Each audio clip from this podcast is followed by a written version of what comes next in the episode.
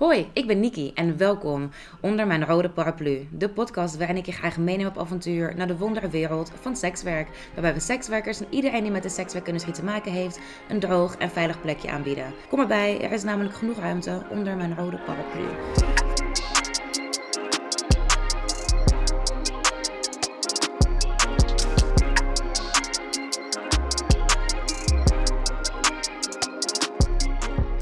Vandaag heb ik Carmen Kleinigis onder mijn rode paraplu. Carmen is gezondheidsvoorlichter en seksuoloog, heeft jaren geleden een aantal jaar sekswerk gedaan, is een van de grondleggers van de Tippelzone in Utrecht, werkt voor Net Kanker, een informatiegroep voor een zeldzame vorm van kanker. En volgens haar Twitter-bio doet ze iets rond kanker, sekswerk en privacy. Carmen, hallo. Hi, hallo. fijn dat ik hier mag zijn. Welkom Dank voor de uitnodiging. Ja, ik vind het heel fijn dat je er bent. Ik vind het ook uh, leuk, omdat het de bio die je net voorleest, denk ik, oh ja, ja dus inderdaad, het ligt een beetje uit elkaar. Dat, eh, het is heel divers. ja.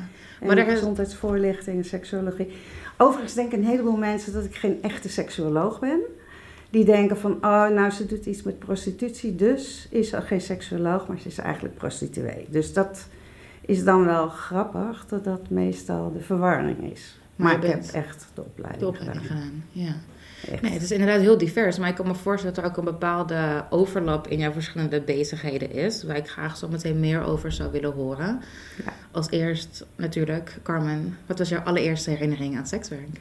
Nou, een van de leukste herinneringen vind ik eigenlijk dat ik. Ehm, ik was vaak in, in, in Amsterdam en ik wilde ook in Amsterdam gaan wonen. En ik was nog vrij jong. En uh, ik liep van de Nieuwmarkt, wat we nu ongeveer de Nieuwmarkt noemen naar uh, de Dam toe, en de Damstraat. En er was een koffieshop en ik meen dat hij de Appel heet, maar ik weet niet meer helemaal zeker.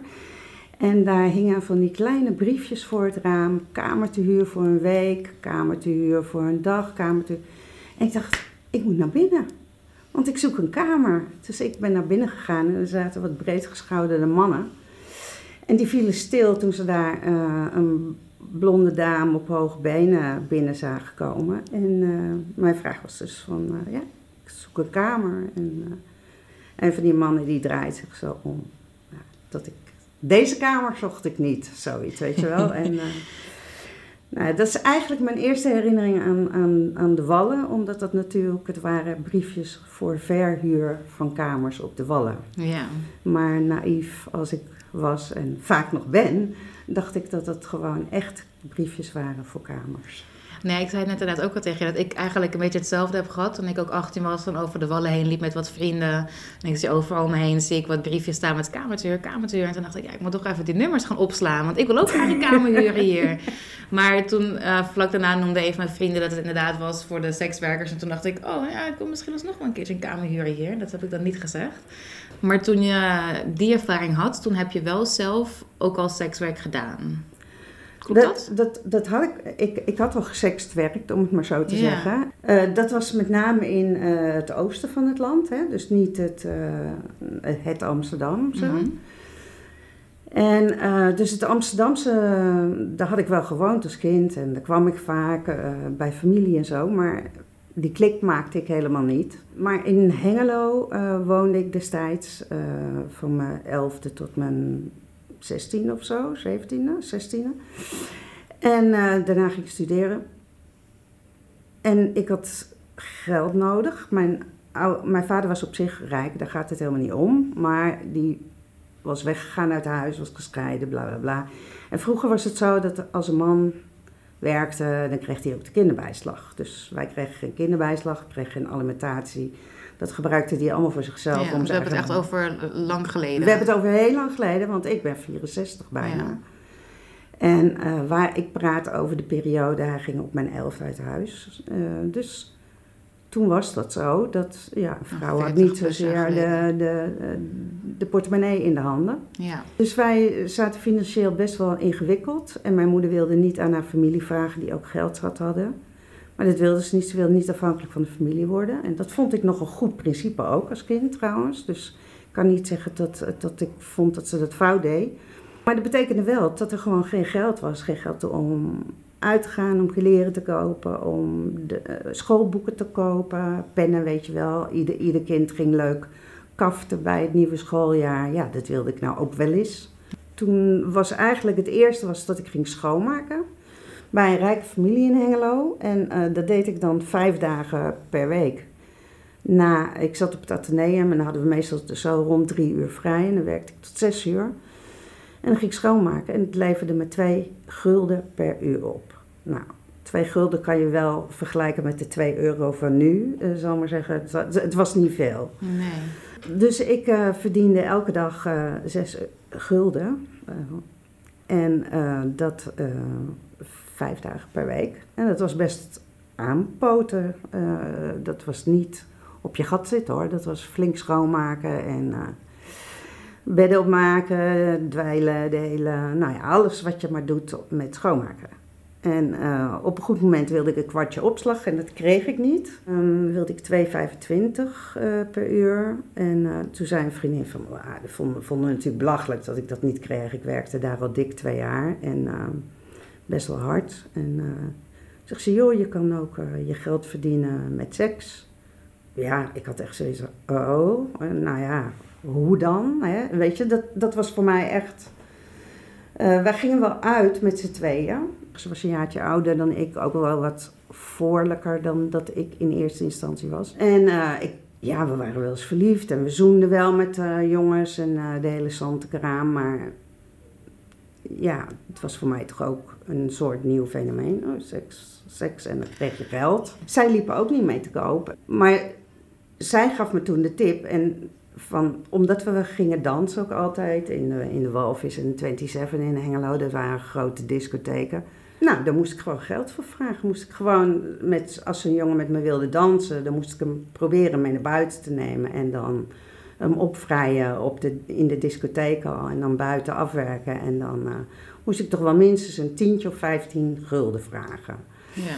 Uh, voor, uh, voor de handelingen die ik deed. En nou, is dat dan te vergelijken met dan bijvoorbeeld de 50 euro die mensen nu vragen? Ik Nee, ik denk dat ik echt wel onderbetaald was hoor. Oké, okay, ja. Ik weet maar, niet zo goed wat ja, nee, zij, zij, was ook geen echte sekswerker. Hè? Ik bedoel, nou echt, echt, daar is altijd zo'n discussie over, dat ja. weet je, hè, die discussie.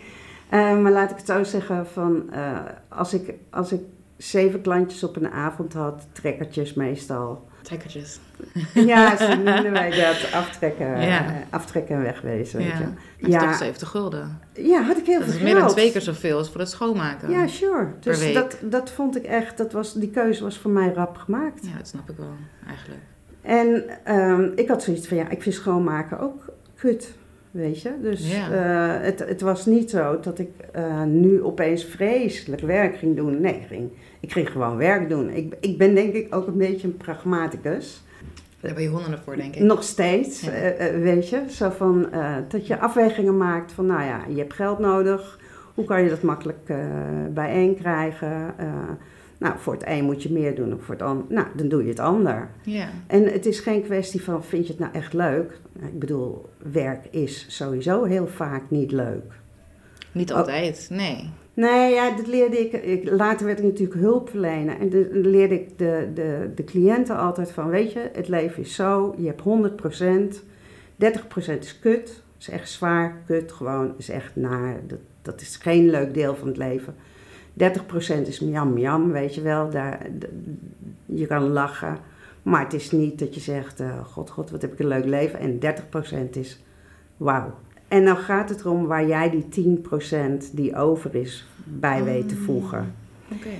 En we gaan proberen dat bij die 30% yes, het leven is leuk te voegen. Nou, dat, ik denk dat ik dat al heel vroeg geleerd heb, ook door de omstandigheden waarin ik ben opgegroeid. Dat het leven is heel vaak niet leuk. Punt. Ga je over zeiken, maar is gewoon zo. Dus ja, de vraag van uh, was dat sekswerk toen leuk? Of wat waren de overwegingen of de afwegingen of weet ik veel wat. Ik kan alleen maar zeggen, ik ben het gaan doen. Het leverde me veel meer geld op. Ik hoefde er veel minder hard voor te werken.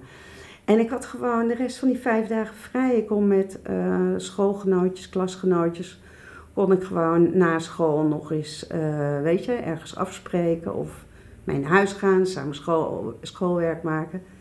Dat was voor mij allemaal winst. Plus het extra geld. Want ik had wel opeens veel meer geld. Dus ik kon ook LP's kopen. Hè? Dus het was niet meer voor de basale dingen zoals een warme jas en nieuwe schoenen en uh, mijn boeken luiken, kaften. En, uh, dat een beetje luxe. Het werd opeens ook luxer. Ja. Maar als ik nu tegen mensen zeg van, uh, ja, dat deed ik vanaf mijn veertiende, dan zeggen mensen, oh, dit is mensenhandel, weet je. Laatst had ik ook met een politicus Ja, te praten. En die zei, oh, het is mensenhandel. Ik zeg, joh, mensenhandel, het woord bestond toch helemaal niet in die tijd. Je moet het ook zien in de tijd, hè. Dus Ja. ik heb me daarin afgezien van de momenten dat ik verkracht ben. Ik bedoel, ik heb ook absoluut nare dingen meegemaakt. Maar voor mij was dat all in the game.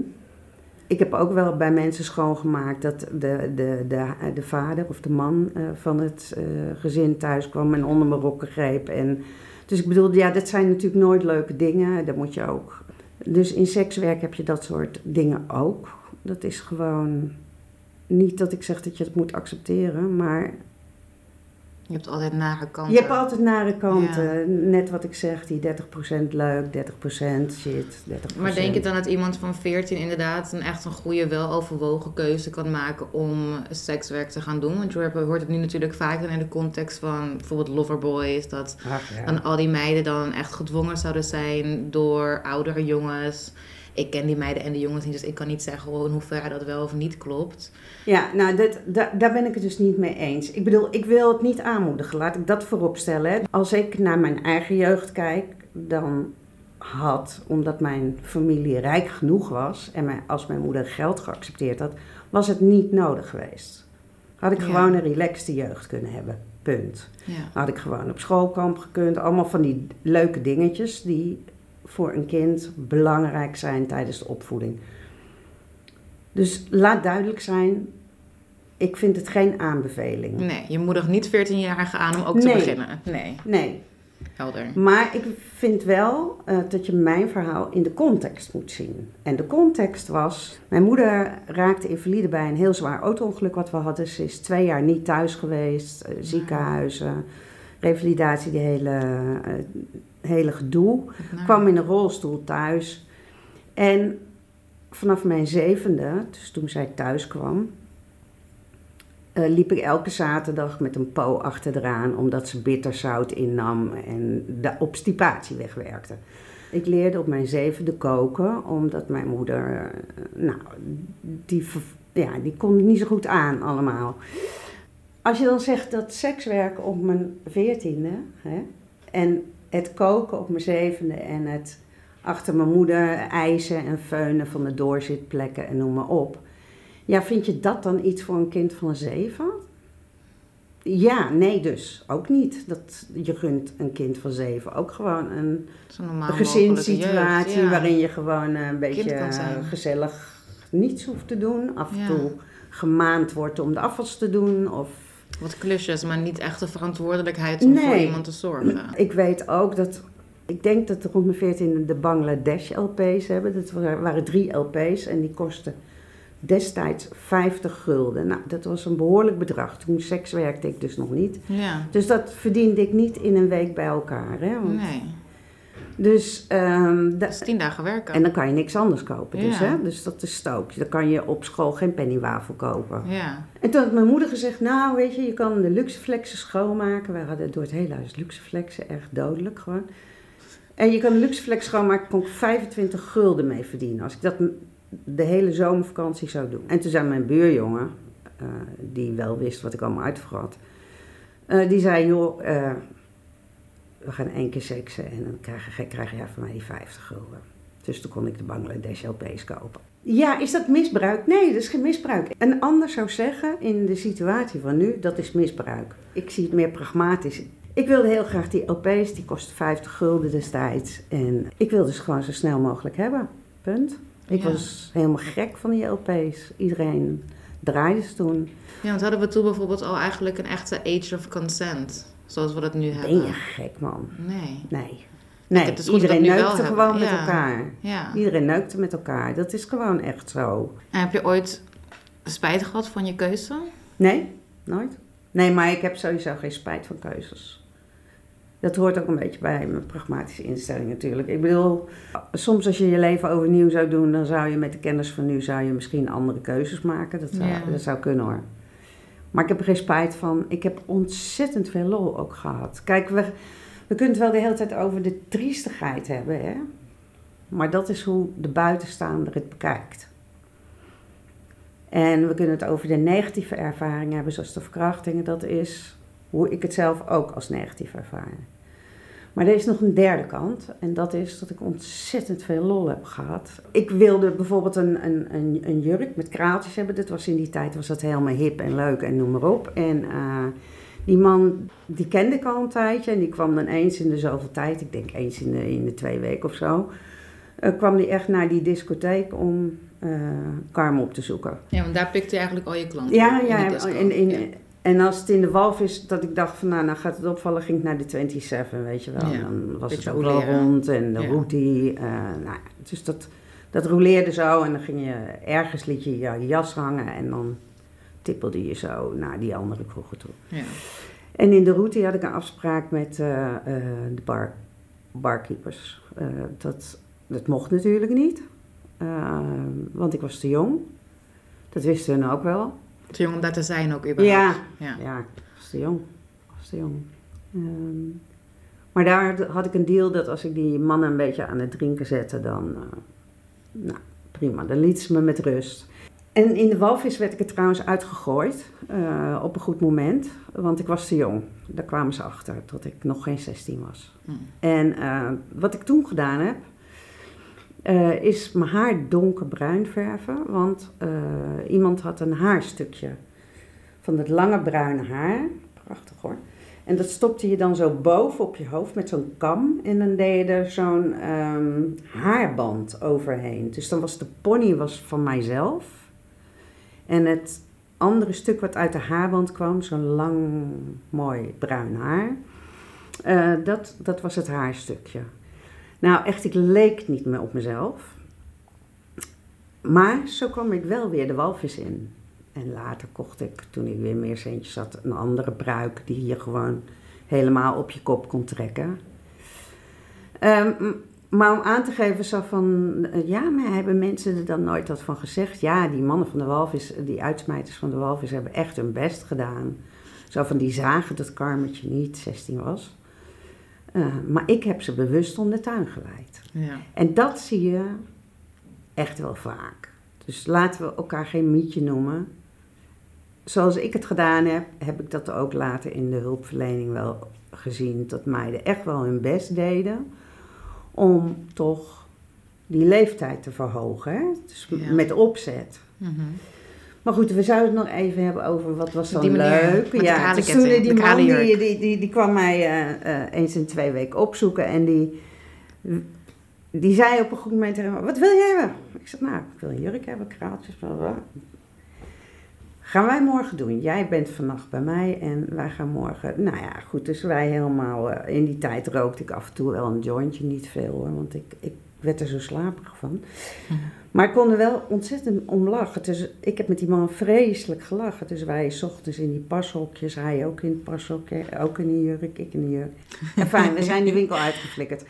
Maar, maar ook, weet je wel, dat mannen me meenamen naar, naar het westen toe, naar het strand, naar Scheveningen. eh, uren wandelen, goede gesprekken, ik ze aftrekken of, of pijpen in de auto. Dat was dan zo'n natte droom. Eh, ik ben naar alle concerten geweest die je maakt. eh, hè, van, van Rolling Stones, Creedence, de hele uh, mikmak heb ik gezien. Eh, dus ik heb ook echt leuke dingen gedaan. Ja. Dingen die een ander niet op zijn 15e, 16e, 17e, 18e doet. En ik wel. Dus snap je, die mix bij elkaar maakt het echt geen kommer en kwel. Als ik dus terugkijk, dan zie ik heel goed wat er niet leuk was. Wat ik ook niemand gun. Ehm, en ik zie wat er wel leuk was. En dat waren dan ook ervaringen waarvan ik denk, nou ja, als een ander meisje zo op een wat oudere leeftijd heeft, is daar niks mee aan de hand. Nee, inderdaad.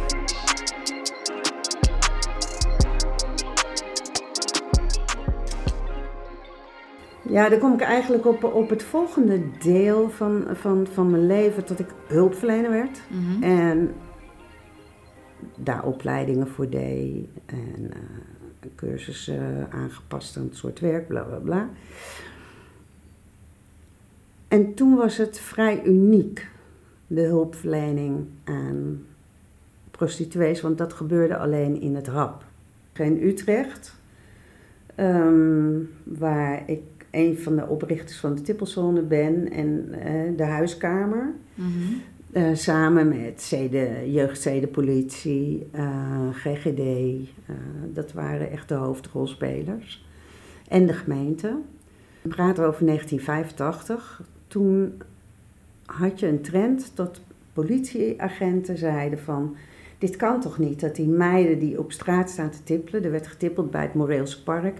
steeds onder een auto moeten gaan liggen als er een politieauto langskomt of een politieagent langskomt. Want er werd daar dik gecontroleerd. Want ja, die politie wist dat daar getippeld werd. Dat Ja. was vlakbij Hoge Kat- Katerijnen. Een deel van de vrouwen was verslaafd. Een deel van de vrouwen overigens ook echt niet. En daarom werd er getippeld op Moreelse Park. Dat was een heel handige route des- destijds. Toen is door de, door de jeugdzedenpolitie zelf gezegd van ja, dit is gewoon geen goede oplossing. Er gebeurt van alles met die meiden. En ze worden verkracht, ze worden lastiggevallen. ehm, er zijn geslachtsziektes. eh, we kunnen ze niet op een goede manier bereiken. Als we, als we nu niet gewoon heel pragmatisch een oplossing gaan zoeken met elkaar. En zo is dus de aanzet gekomen tot een tippelzone. En dan niet in het centrum, want iedereen wilde het centrum natuurlijk een beetje schoon hebben ook van Ja, prostitutie. dat is altijd zo geweest. Dus er kon een tippelzone komen in ruil dat die meiden uit het centrum weg zouden gaan. En dan, dan zou er een huiskamer komen op die tippelzone en dan samen met eh jeugdzeden en noem maar op, al, al die partijen samen gingen het een goede oplossing voor de dames creëren. Nou, dat is natuurlijk een heel progressief standpunt, vooral als je het vergelijkt met de politie Utrecht nu, de hulpverlening Utrecht nu. Is dit natuurlijk een heel progressief standpunt geweest Ja. in 1985. En die typelzone kwam er en het hap kwam er en ik werd aangenomen om dat te gaan managen, bla bla bla. Al die agenten uit Utrechtse korps heb ik voorgelicht en noem maar op. En eh, proberen iets over stigma te vertellen en dat het beter is om vroegtijdig hulp te bieden als vrouwen het niet zouden willen. Hè? Want dat is natuurlijk van alle tijden dat ze dan zeggen, ja, maar er zitten ook meisjes tussen die niet willen. Ja, Ja, nou, juist daarom Ja. zijn we er. Als die meisjes het niet zouden willen, dan kunnen we ingrijpen met elkaar. En als die vrouwen het wel willen, dan kunnen we ze zoveel mogelijk handvatten geven om zo veilig en zo goed mogelijk te werken op de manier die bij hen past. ja, precies.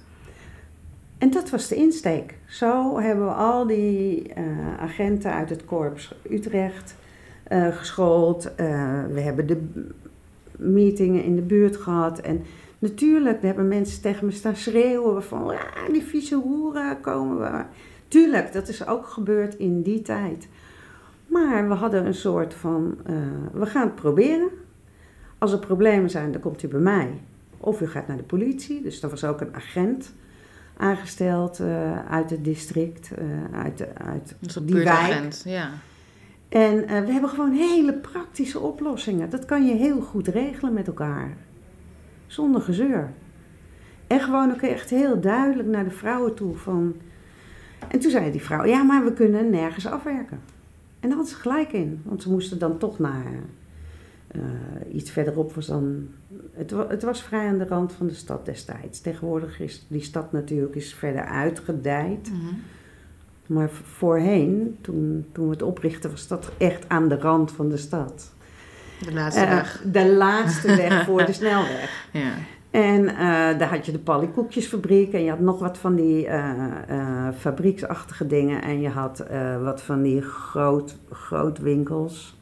Maar iets dergelijks. En ja, dan gingen ze daar toch afwerken. Ja, ze wilden toch in de buurt afwerken.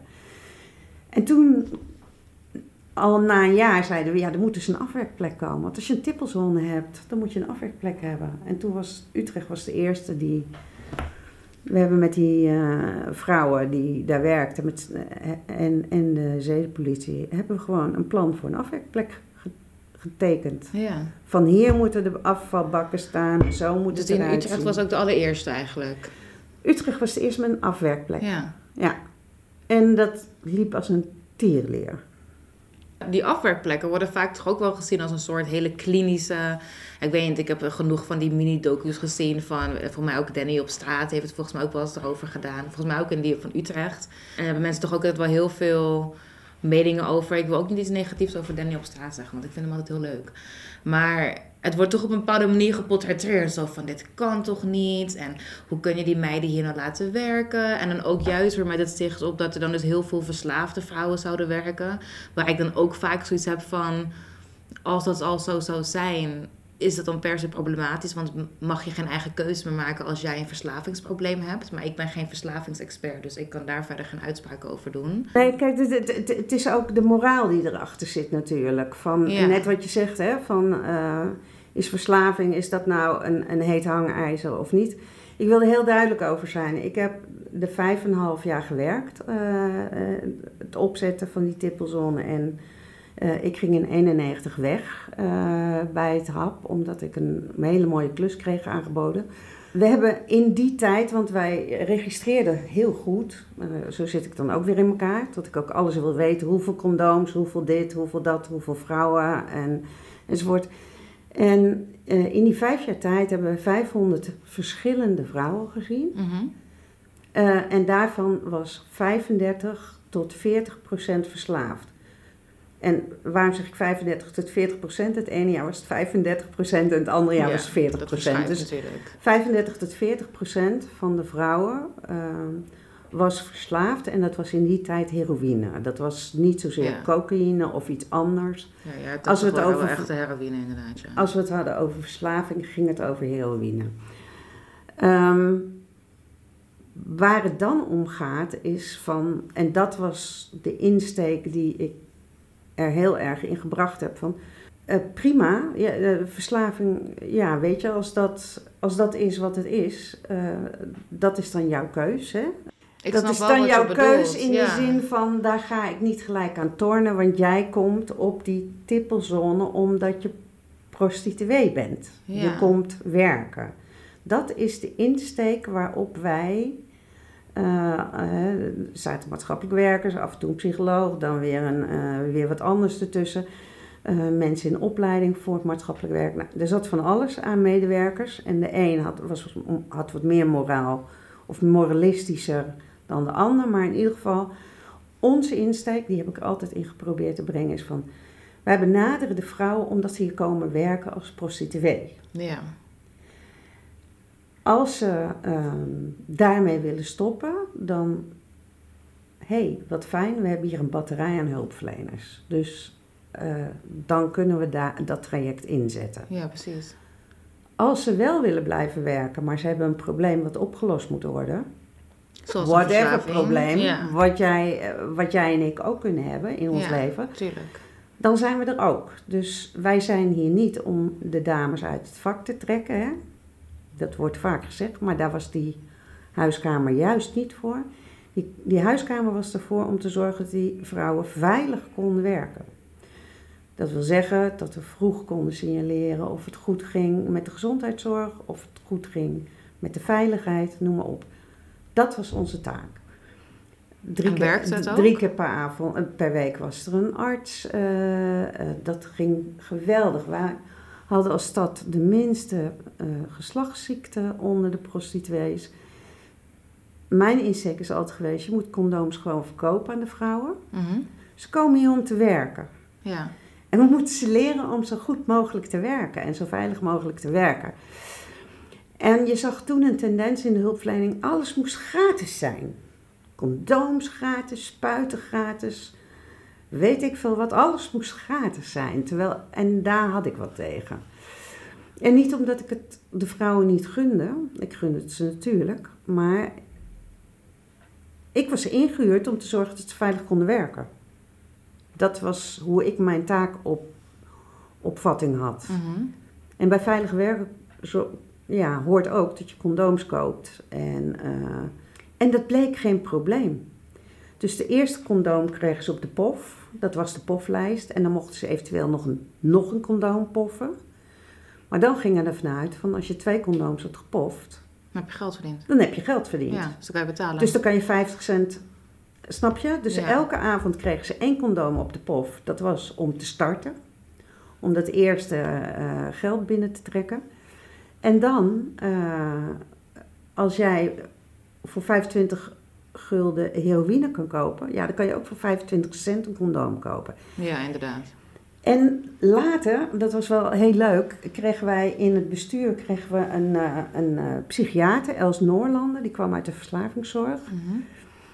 En die steunde mij heel erg erin, want die zei van ja, verslaafde mensen kunnen natuurlijk, eh, dat was toen in, met die heroïneverslaving zo, die kunnen lullen als brugman. Dus waarom kunnen ze dan niet, eh, eh, zeg maar, dat geld uit die zakken van de klanten kloppen? Ja. Misschien hebben verslaafde prostituees juist wel een extraatje. Namelijk. Een extra incentive.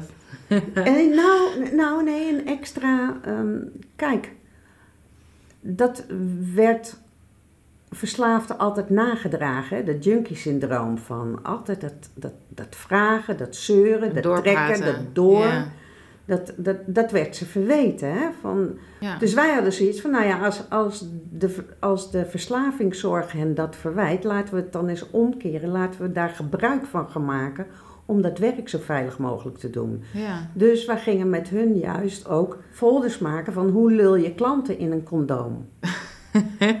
hoe kun je klanten overhalen? En dan klanten overhalen om een bepaalde handeling wel of niet te doen die jij niet zou willen. Stel, Ja. jij wil niet neuken, maar je wil wel trekken. Of je wil wel pijpen, maar je wil niet dit. Hè, whatever. Dus we leerden ze om voor zichzelf te bedenken, wat wil jij? Hè? Dus om stevig te worden. En dan te zorgen dat je kreeg wat je hebben wilde. Je wilde geld, je wilde een bepaald bedrag, je wilde veilig werken. Oké, dat gaan we oefenen. En ik heb het dus veel pragmatischer bekeken dan een heleboel hulpverleners eh, dat zouden willen. Maar gewoon ook omdat wij merkten dat niemand wilde stoppen. Dat was gewoon onzin. In die vijf jaar dat jij daar hebt gewerkt, hoeveel mensen zijn er toen echt van ik wil niet meer dit werk doen? Stoppen met het werk. Kijk, ehm, als we het over verslaafd hebben, hebben we twee mensen serieus. Die zijn echt afgekikt. Die zijn een, een opleiding gaan doen, noem maar op. Anderen zijn eh, tijdelijk uit het circuit gegaan, maar die kwamen dan toch weer terug, want die misten de sociale omgeving met name. Ja, want je hebt natuurlijk ook gewoon echt dat sociale contact Ja. met elkaar. Want je Ja. kan gewoon in die huiskamer Ja. gaan zitten, met je collega's praten, met jou, met andere De hulpverleners. televisie stond aan. Ze, zaten, ze kwamen soms en zaten ze alleen maar een hele avond televisie te kijken. En dan op het laatst, oh fuck, ik moet een klant hebben, weet je wel. ja, of ze hadden het gewoon gezellig met z'n tweeën of met z'n drieën, weet je wel. Ik Die- kan me voorstellen dat het ook wel echt een plek is waar je dan, dus Nou juist als je prostituee bent en je bent verslaafd, maar het was wel een plek waar je gewoon niet veroordeeld werd voor wie je was. Je kon gewoon zijn. Dat. Maar het gold ook voor de niet-verslaafde vrouwen. Die zaten Ja. soms ook hele avonden gewoon relaxed. Precies wat je zegt. Eh, Je bent welkom, hè? dat was Ja. natuurlijk eh, de, de eerste voorwaarde. Je bent welkom zoals je bent. Er zijn maar een paar huisregels. Daar moet je aan houden. En voor de rest konden ze roze koeken eten. Die waren erg in de mode in die tijd. Eh, En eh, ze konden een Lekker. soepje krijgen en noem maar op. En als een we hadden, eh, we bereiden natuurlijk steeds uit met condooms. eh, hè, er kwamen anaal sekscondooms bij, het vrouwencondoom gingen we uittesten eh, met z'n allen. Dus ook de medewerkers gingen meedoen thuis om met het vrouwencondoom te testen wat we er nou van vonden, weet je wel. Ik vond niks, maar dat gekraak. Maar dat gingen we dan... Ik heb die- er nooit een gebruikt, moet ik zeggen. Dat, nou, ik vond, het echt, ik vond het echt heel moeilijk hanteerbaar gewoon. Het was zo glad en het kraakte ook, dus je moest er een, een muziekje bij opzetten. Maar al dat soort dingen ehm, waren gespreksonderwerpen. We hadden estafettes, wie het beste kon vertellen wat hij wilde en eh, veilig kon werken. Weet je, je kan zoveel dingen en dat bracht ook vrouwen samen. En eh, ze gingen op elkaar letten. We hadden lijsten met autonummers.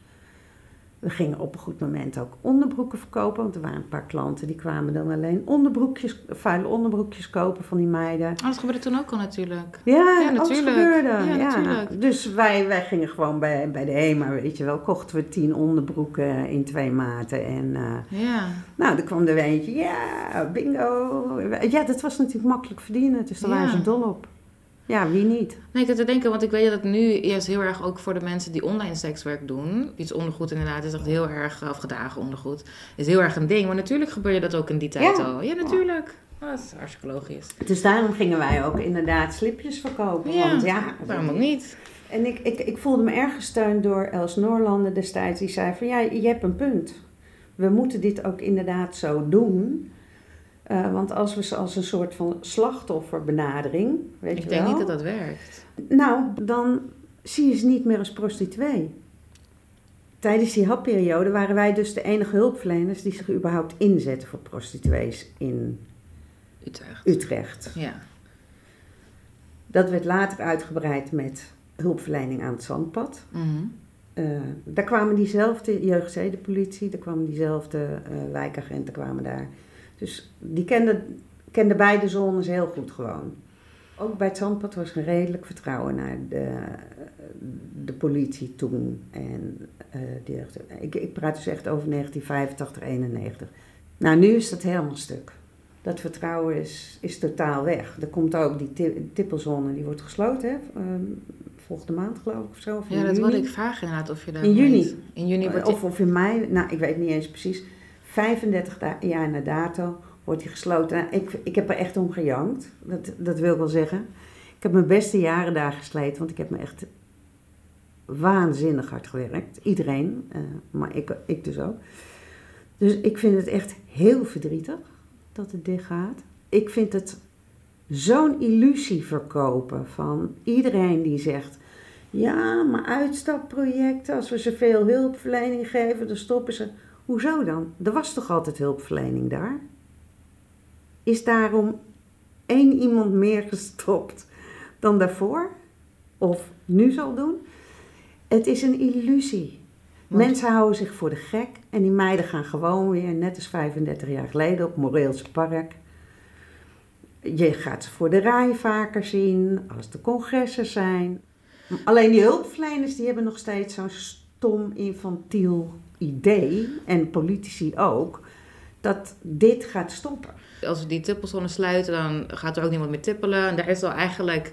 Er is op dit moment... Is, ja, misschien is er nog een club of zo, misschien in Utrecht? Ik geloof dat er twee clubs zijn. Ja. Dat that's Dus in, in heel Nou, Utrecht, heel een van de Utrecht. grote steden van Nederland volgens mij, Ja, heb je dus twee plekken waar je legaal kan werken als sekswerker nu. ja. En ze denken dat het niet verder gaat gebeuren. Nee, ja, die Thuis. illusie, die illusie die, die gooit de, hè, het is de ChristenUnie, GroenLinks, D66 die de coalitie gevormd hebben daar. Ja, En die hebben dit destijds eh, samen met PvdA, VVD, iedereen is meegegaan, met name linkspartijen ja. overigens. Maar wat is dan ook precies de reden geweest waarvan zij hebben gezegd, die tippelzone, dat, dat, dat gaat sluiten? Wat was, waar, Nou ja, waarom? het is, het is Waarom? natuurlijk heel duidelijk. Er is altijd een economisch belang. Hè? Dus die tippelzone is, is 35 jaar geleden echt aan de rand van de stad gebouwd. Net wat ik Ja. net al zei. Van, Ja, precies. eh, Nu is het echt Je, je vloog de snelweg op en je kwam echt geen huis meer tegen. Ja, nu is het inderdaad wel... Nu is die stad is opgerukt, Ja. want het is gewoon drukker geworden, meer huizen, bla bla bla. ja. Dus je, je zou strategisch kunnen zijn en zeggen: oké, dan ergens anders weer zo'n plek als dat we destijds hadden. Aan de rand. Aan de rand. En er gaan natuurlijk, er gaan altijd mensen zeiken, weet je. Maar je moet ook als gemeentebestuur gewoon het lef hebben om te zeggen: nee, ja, jullie mogen zeiken. Ja, Maar het komt er toch. ja precies. Dat Net is als 25 destijds, jaar geleden. dat is destijds ook gedaan. Ja, En zo gauw er één klacht is, gaan we de klachten oplossen. En zo is er een afwerkzone gekomen. ja. Dus dat kunnen ze nu ook doen. Maar er is, het is politieke onwil. Dus er is een belang, er moeten daar woningen gebouwd worden. Dat is een heel groot wonen, woninggedoe wat er gaat komen. Dus er is een economisch belang. Voor een economisch belang moet prostitutie altijd wijken. Dat is niet alleen in Utrecht, dat is in elke stad. ja.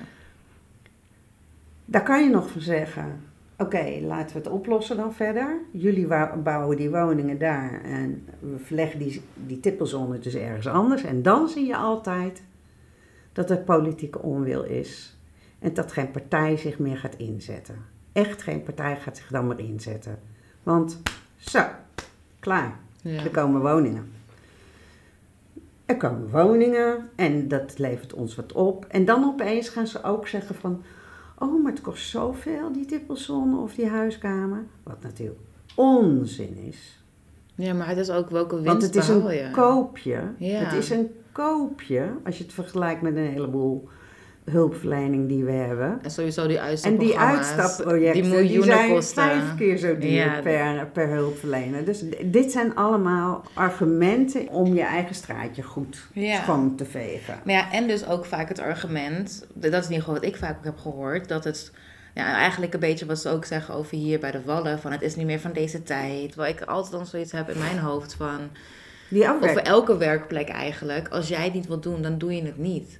Maar er zijn mensen die dat wel graag willen doen. Die meiden zitten in een, in een luxe auto vaak. In, die schuift in zo'n afwerkplek. Ja. Ja, wat de fuck maakt het uit of die schutting groen is, paars of geel? Dat zal die meiden worst wezen. Het enige wat ze willen is dat ze daar veilig kunnen werken. En het hoort natuurlijk bij deze soort werk. Er waren ook altijd twee plekken voor fiets. eh, hè, mannen die op de fiets kwamen of lopend kwamen en wel met een tiplaarster seks wilden. Dus dat waren kleinere ho- hoekjes. Los het op, weet je. En ga niet met elkaar zeggen: ja, het is zo'n christelijk fabeltje. Het is zo'n christelijk fabeltje om te zeggen van nee, maar als wij een goede uitstapprojecten doen, dan gaan wij niet werken. Nee, nou, als dat zo was, dan Dan was het probleem al lang. Al opgelost. Dan hadden we al lang geen prostituees meer gehad nee, in inderdaad.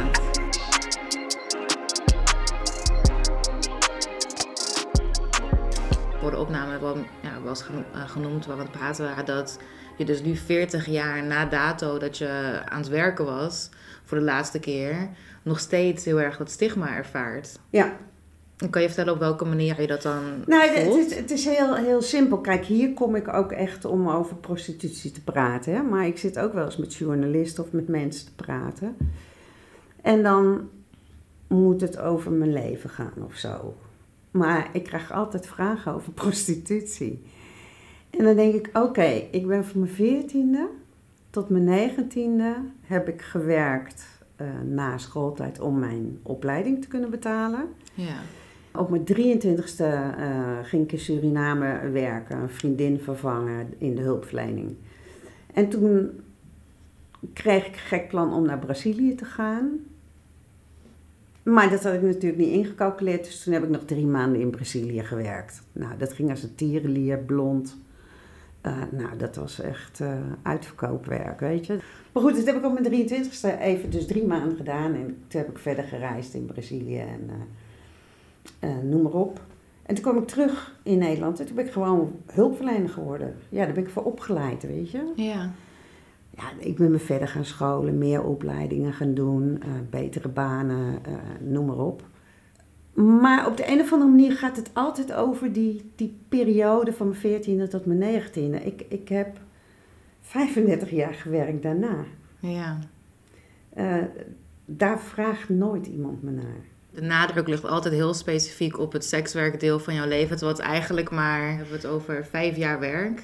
Dat is echt Ja. een heel klein onderdeel van Ja, jouw hele leven en eigenlijk van wie Carmen dan is. Ja, en daar gaat het altijd over. Maar komt het dan misschien een beetje omdat je natuurlijk zelf nog heel vocaal bent over sekswerk? Ik werk de laatste elf jaar werk ik eh, een eh, slag in de ronde voor kankerpatiënten. Als stagiaires eh, van de, de opleiding van de rug bijvoorbeeld, hè, dus Universiteit Groningen, met mij praten, want dan hebben ze een project. Dan vragen ze me nooit naar mijn afgelopen elf jaar. Dan gaat het altijd over sekswerk. En als je in mijn medisch dossier kijkt, dan zie je op een goed moment dat ik gesekswerkt heb. En dat ik, dat ik echt zoiets had van, wat, wat de fuck is dit jongens? Staan ook je andere beroepen daar dan ook Nee. in? Nee. Niet één. Dus in je medisch dossier van Carmen nu, bijna 64 jaar, staat dat jij 40 jaar geleden Ja, ooit sekswerk hebt gedaan. ja. En dat ik daar vast een posttraumatische stoornis aan over heb gehouden. Dat staat er ook echt bij. Ja, dat staat er echt bij. No way, José. Dat heb ik helemaal niet. Dus dat, snap je wat ik bedoel? Van het is allemaal interpretatie. Eh, Ja. Mensen verzinnen zich een slag in de ronde. En dat doen ze dus ook bij prostituees die nu werken. Er wordt heel veel verzonnen en dat komt de hulpverlening echt ten goede. Het is echt een industrie geworden. Ik schrik daar soms wel van. Hoe meer diagnoses, hoe meer het de hulpverlening ten goede komt. Want En dan bedoel je gewoon financieel. Ja. Ik, ik zou verwachten dat als je doelt op de hulpverlening ten goede komen, dat je dan vooral doelt op ehm, goed werk leveren. Maar je hebt het nu eigenlijk vooral over financieel gewin, begrijp ik. Nou ja, kijk, financieel gewin, er wordt wel voor gewerkt, maar eh, ik vind dat er gewerkt wordt op fronten waar niet gewerkt hoeft te worden. Eh, je kan alles een probleem noemen Ja, en je kan alles een posttraumatische stressstoornis noemen. ja. En iedereen maakt wat mee in zijn leven wat niet... Iedereen heeft trauma, absoluut. I- Ja, i- iedereen heeft wel een pijntje ja uit het verleden. Moet je niet aan krabben soms. Ja, dat is Soms- helaas onderdeel van het leven. Ja, moet je soms ook vooral niet aan krabben. Moet je vooral koesteren dat je dat hebt. Ja, En daar moet je niet te veel aan willen doen. Maar je moet er geen onnodig probleem van maken als, het geen on, als, als iemand het zelf niet als een probleem ervaart. ja. Eh, Dat- dus dat dan kom ik even manier. terug bij Ja. mijn eigen verhaal. Als mensen nu tegen mij gaan zeggen van... Oh, en is mensenhandel? Dan zeg ik nee, dat was het niet. En dat is het ook niet. En dat maak je, ga jij er ook niet van maken, want je maakt je maar kwaad. ja. Je wordt, er wordt je eigenlijk een soort van Er wordt mijn situatie probleem, aangepraat. er wordt mijn probleem aangeluld. Ja, En niet zo'n klein beetje ook hoor. Dat wordt me heel hard door mijn strot heen geperst. En ik weiger het en ik, ik wil het ook niet. En zo wil ik het ook niet bij anderen doen. En volgens mij moet er, moet er iets heel anders gebeuren. Er worden zoveel series over gemaakt op tv. Er wordt zoveel aandacht besteed aan al dit soort onzin. Dat je creëert situaties. Daar waar het niet is. Maar als jij deze meiden als een probleem gaat betitelen en dat ook de hele tijd op tv zo noemt en het krijgt een status die het niet moet hebben. nee. Er is ook zo'n maatschappelijke druk om alles te vermaken tot een probleem, daar dan een serie over te maken en dan nog zes series en dan nog 22 Het radioprogramma's. is een beetje alsof je het nu zijdelings over je Jannik in de prostitutie hebt. Nou, bijvoorbeeld, maar ook Red Light, hoe heet dat ook weer? Ja, ja red, red light inderdaad of zo, toch? Ja. ja. En weet je wat het is? Prostitutie zal altijd een aantrekkingskracht hebben op mooie verhalen, Ja. op shitverhalen, op noem maar op. Ik heb 35 jaar lang in die hulpverlening gezeten en in die voorlichting, gezondheidsvoorlichting in binnen- en buitenland, in de kankerhulpverlening, nou, noem maar op. Daar wordt nooit naar gevraagd, maar het gaat altijd over die vijf jaar in de prostitutie. Vroeger werd van mij helemaal geen probleem gemaakt. Ik weet nog wel, dat, eh, ik, ik deed heel veel lezingen en dan kwam ik ook wel eens bij de plattelandsvrouwen werd ik uitgenodigd. Ik vond het geweldig, weet je wel, want het waren dan hele basale vragen die elke Nederlander heeft, toch? Ja. Maar dan kwam ik eh, daar omdat ik geld moest ritselen, weet je wel, eh, extra geld, noem maar op. Dus dan deed ik lezingen bij de Rotary en bij de huisvrouwenverenigingen en noem maar op. En op een goed moment staat er zo'n vrouw op. En ik vond het echt schattig achteraf voorzien. En die zegt, meisje, vinden jouw ouders het wel goed dat je dit doet? Toen werkte ik dus als projectleider op de, op de HAP. Hè? Vinden jouw ouders het wel goed dat je dit doet? Ik zeg, mevrouw, ik zeg, ik ben in de dertig. en ik, wel, ja, maar vinden je ouders dat wel goed? Nou, dat was niet zo raar. Dat was een bijeenkomst op de Bijbelbelt met Mm. platteland. Dus dan moet je het in die context zien. Natuurlijk komen er dan daar dit soort vragen. Terwijl, ja, ik zat ook bij de Rotary mannen aan tafel en dan zeiden ze, godschatje, eh hoeveel geld heb je nodig? Oh, je wilt dat project doen. Hé hey jongens, we gaan er even voor zorgen. Dit meisje gaat vanavond met 3000 gulden naar eh, het project, weet je wel? precies. En wat je nu ziet, nu wordt het niet meer gevraagd, er wordt je een rol op gedrukt. Ja, oké. Dus waar ik voorheen zeg maar gewoon gevraagd werd van... Goh, maar hoe was dat dan? Hè? En dat vond ik ook wel een soort van ontroerend. Ja. Vind ik ook lief, want dan stel je oprecht de vraag die je hebt. Dus daar geef ik altijd graag antwoord op. Maar wat wel zo is, kijk, in de haptijd eh, kwam aids, ontstond aids. Hè? Dus in 1985 uh, was aids een paar jaar onder ons, maar het was nog niet echt onder ons. Hè? Dus het, Mhm. het was in de wereld, maar het was nog niet echt. Het was zich aan het verspreiden. Het was gaan verspreiden. En toen eindigde elk gesprek wat ik had met journalisten. En ik, ik sprak in die tijd heel veel journalisten, want het HAP was een voorbeeldproject voor over de hele wereld. Hè? Dus er kwamen mensen uit de hele wereld kwamen bij dat HAP. Dus, Wauw. Dus ook, ook, ook mensen eh, die, die, die kwamen via eh, het ministerie. Het ministerie was erg trots op ons. En de gemeente was heel trots op ons. Dus die kwamen via die kanalen binnen.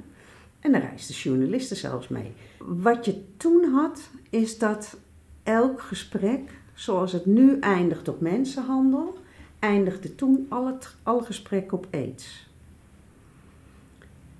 Huppelde fluppelde flup, had je een heel leuk gesprek. Eh, hoe gaat het hier? Wat zijn de regels? Wat doen jullie dan? Hulpverlening. En eet. En dan kwam aids. Hè? Nou, Ja. dat zie je nu elke journalist doen. Hè? Eh, die sekswerkers interviewt of eh, hulpverleners interviewt. Goh, hoe gaat het dan? Wat is je Ja, functie? leuk allemaal, spannend. Oh, en- mensenhandel. Ja. Nou, wat mensenhandel nu is, was aids voorheen. Was aids in mijn tijd voor ja. journalisten. Want prostituees werden natuurlijk net als eh, homoseksuele mannen. eh, dat waren de twee doelgroepen die aangemerkt werden als de kwaaien. Ja. Nou, dat konden we heel snel terugbrengen en bewijzen als dat dat niet zo was. Omdat wij hadden drie artsen die eh, drie avonden per week in die bus waren. En die meiden maakten er graag gebruik van om daar de controles te laten doen. Mhm. Dus wij wisten gewoon dat, dat het er niet was. Of later, in het laatste jaar dat ik er werkte, dat er één vrouw was.